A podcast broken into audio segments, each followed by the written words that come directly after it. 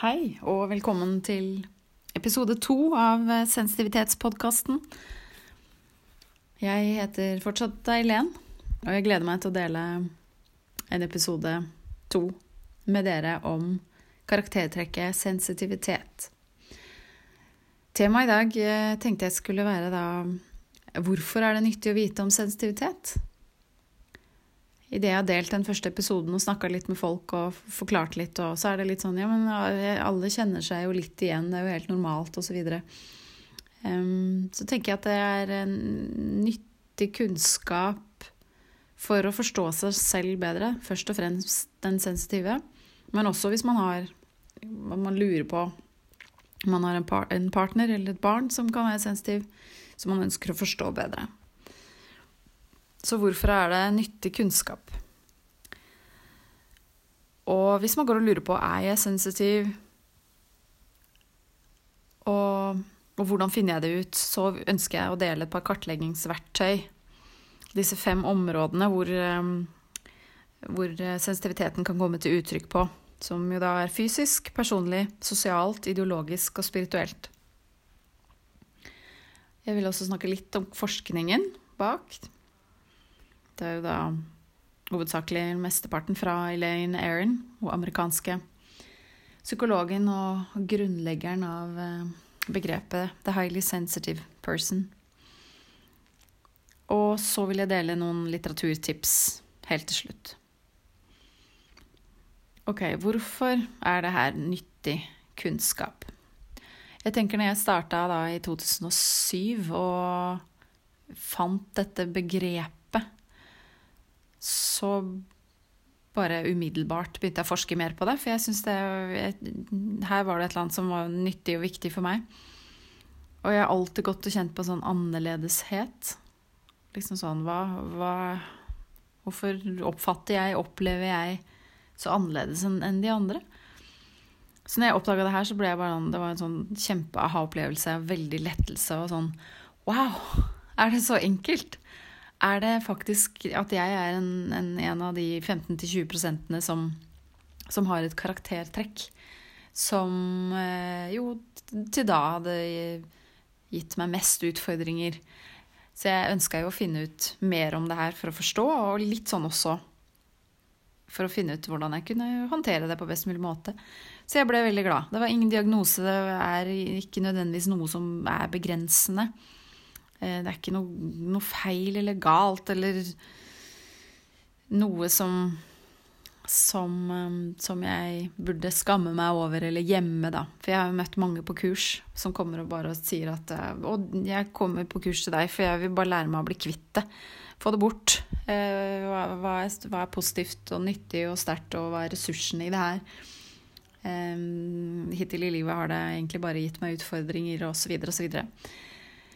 Så tenker jeg da nei, vi må bort fra det at det er noe negativt. At det eh, er noe sårbart eller sart eller hemmet, som de sa i gamle dager. men jeg tenker jo at det, det er det, det er, kan være utfordrende da, i dette kravsamfunnet som vi lever i nå. Så det å forstå og akseptere dette her er nyttig kunnskap. Både for de sensitive og for de mindre sensitive. Og jeg kan ikke få sagt nok at dette er ingen diagnose. Det er superviktig. Det er en, et personlighetstrekk som kan gi deg tilgang til styrke og ressurser og, og, og ja, hvis du kan finne balansen i det, så kan det være til stor glede. Så igjen så handler det litt, som jeg nevnte sist, å finne de rette ordene da, som passer for deg. I starten husker jeg for meg var det litt sånn enten så, så var det som å snakke øh, om en superperson, eller jeg følte meg som en superkvinne. Jeg er kreativ, jeg bearbeider dypere, oppfatter mer, jeg er empatisk. Jeg er Ja. Eller så var det gjerne Jeg kan lett bli utmatta og overstimulert hvis det blir mye støy. Jeg reagerer sterkt på lukt og lyd og ja, blir veldig lett, gråter lett, lettrørt, følsom. Alle disse tingene. Jeg følte det var veldig sånn Ja. Så da um, går jeg over til disse områdene. Det er jo ikke noe sånn Det er jo ikke et unikt kartleggingsverktøy. Det gjelder jo for alle. Um, så det er et, eh, ja, en metode innen psykologi for å utforske da eh, personlighetsprofilen. Og um, som er da kan være nyttig å få benytta for å, for å lage seg da og forstå seg sjøl og se denne sensitivitetsprofilen. Hvilke områder kommer sensitiviteten til uttrykk på? Og hvor scorer jeg høyt, hvor scorer jeg lavt? Det er store variasjoner. Og ingen er like. Alle er unike. På det fysiske området så er det jo alt som har med sanseapparatet å gjøre. Eh, lyd, lukt, smak, hørsel, syn, sensorisk berøring. Og på godt og vondt alle disse um, områdene og alle, alle kroppens reaksjoner, da. Så kan man jo gjerne da reagere sterkt på mat, sult, tretthet, varme, kulde. Lukter, lyder, stress og de grunnleggende fysiske behovene som behov for nok søvn og mat og bevegelse. Og på det gode så kan man jo også ha stor glede av matopplevelser, av musikk, kunst, gode lukter, nyanser, oppleve, gode opplevelser. Og i forhold til lukt da, kan man jo også gjerne reagere sterkt på. Røyk, maling, parfyme, Eh, kanskje har man matintoleranser. Um, reagerer på alkohol. Ja. Så det er på godt og vondt, og det påvirker kroppen. På det sosiale Det er kanskje det som er det mest uh, utfordrende for den sensitive. At man har um, Ja, man merker, registrerer andres sinnsstemning, nonverbal kommunikasjon kan gjerne bli utmatta av f.eks. kjøpesenter, at det er for mye lyd og mennesker og lukter, og hjernen går på over på sjette gir. Um, men en sensitiv er veldig sosial hvis han kan styre hvem og hvor og hvor lenge og hvilke omgivelser og hvilken aktivitet som gjøres. Ja. Så får man ikke styrt verden. Man får bare eh, hatt oversikt og kontroll på seg, på seg, selv og egne behov. Og det er der man må, man må kartlegge seg selv, og man må bli god på sårbare områder. Hvor er det jeg påvirkes av sensitiviteten? Hvilke hensyn er det jeg faktisk må ta? Mm. Så har du det på det personlige plan, personlige området. Der har man jo gjerne da et sterkt, rikt indre liv, sterk intuisjon, eh, følelser. Man eh, har ofte sterk utvikla empatiske evner. Eh, man kan filosofere og gruble og tenke og ja, trives godt i eget selskap og og, og ha, ha, god alenetid. Samtidig så kan man også tenke seg selv ned. Tenke for mye nære frykt, da. At man havner i en ond sirkel, at man, man ser negativt på at man ikke håndterer kanskje omverdenen sånn som 80-80% resterende som er mindre sensitive, da man kan føle, føle, at man ikke passer inn i, i, i samfunnet. Og så har vi på det ideologiske området er man gjerne opptatt av rettferdighet, sterk rettferdighetssans, og reagerer kraftig på undertrykking og vold og krig og kan se på nyhetene og få vondt inni seg. Man kjenner på en måte den fysiske smerten omtrent komme gjennom skjermen og inn på netthinna. Og eh, ja, ta sterkt inn over seg, holder ikke ut krenkelser av andre eller seg selv eller dyr eller natur.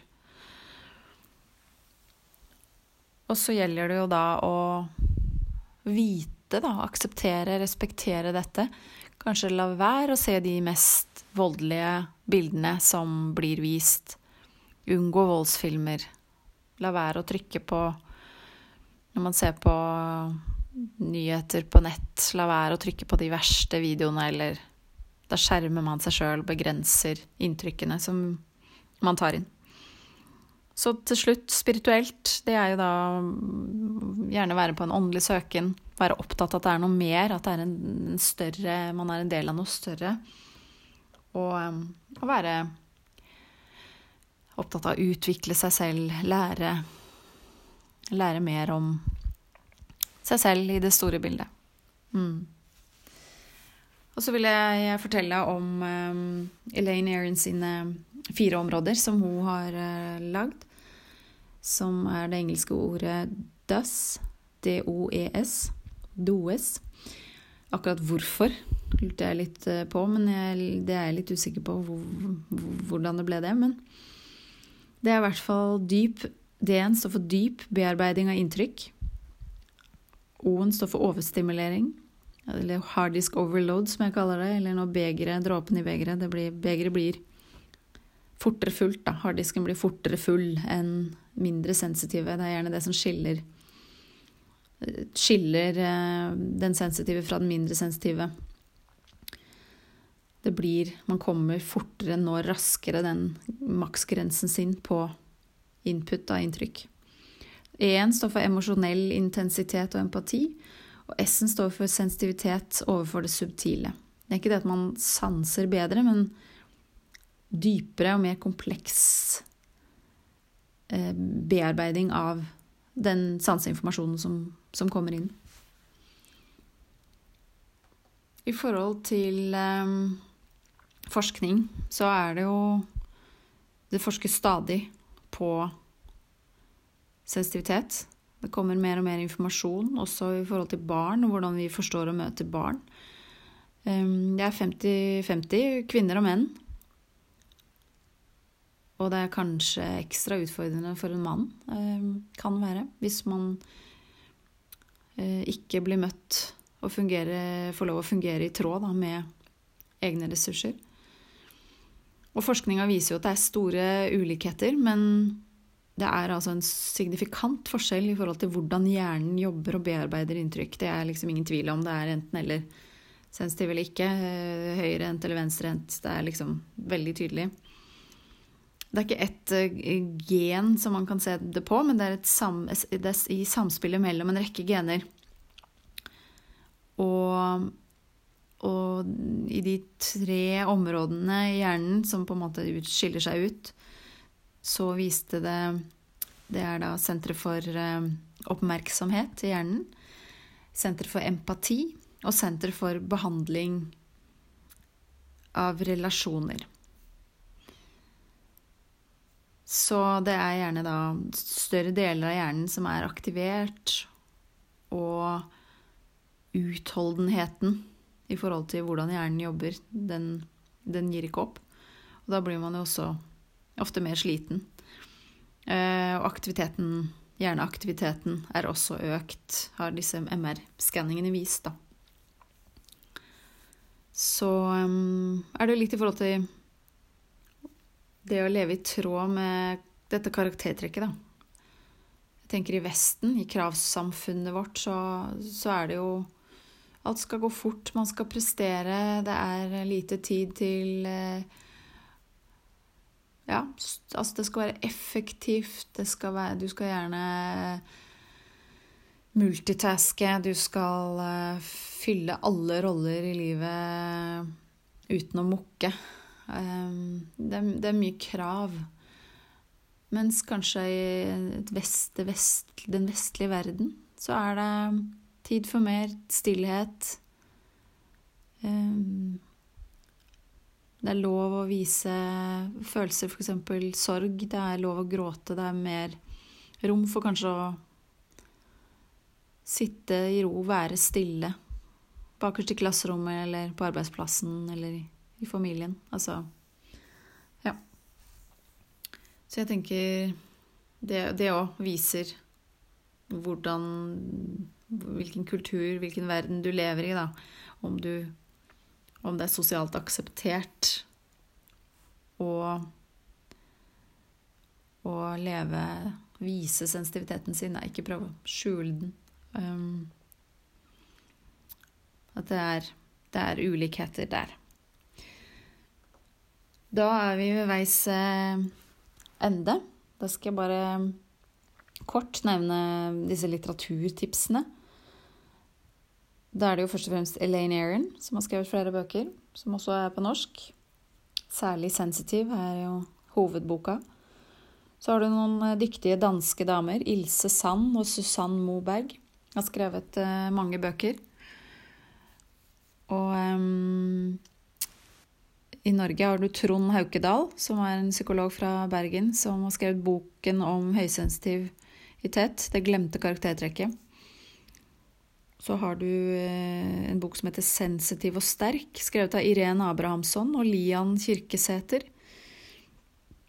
Og sist, men ikke minst Martha Louise, som også har gitt ut uh, flere bøker om det å være sensitiv. Så det er um, bøker jeg anbefaler hvis du ønsker å dypdykke. Elaine Aron har også en workbook. Jeg er usikker på om den er på norsk. Det kan jeg finne ut, da. Så kom gjerne med spørsmål. Jeg har um, på min Facebook-side, Eileen Kase, eller så kan du gå og søke på Facebook på The Highly Sensitive Person Group.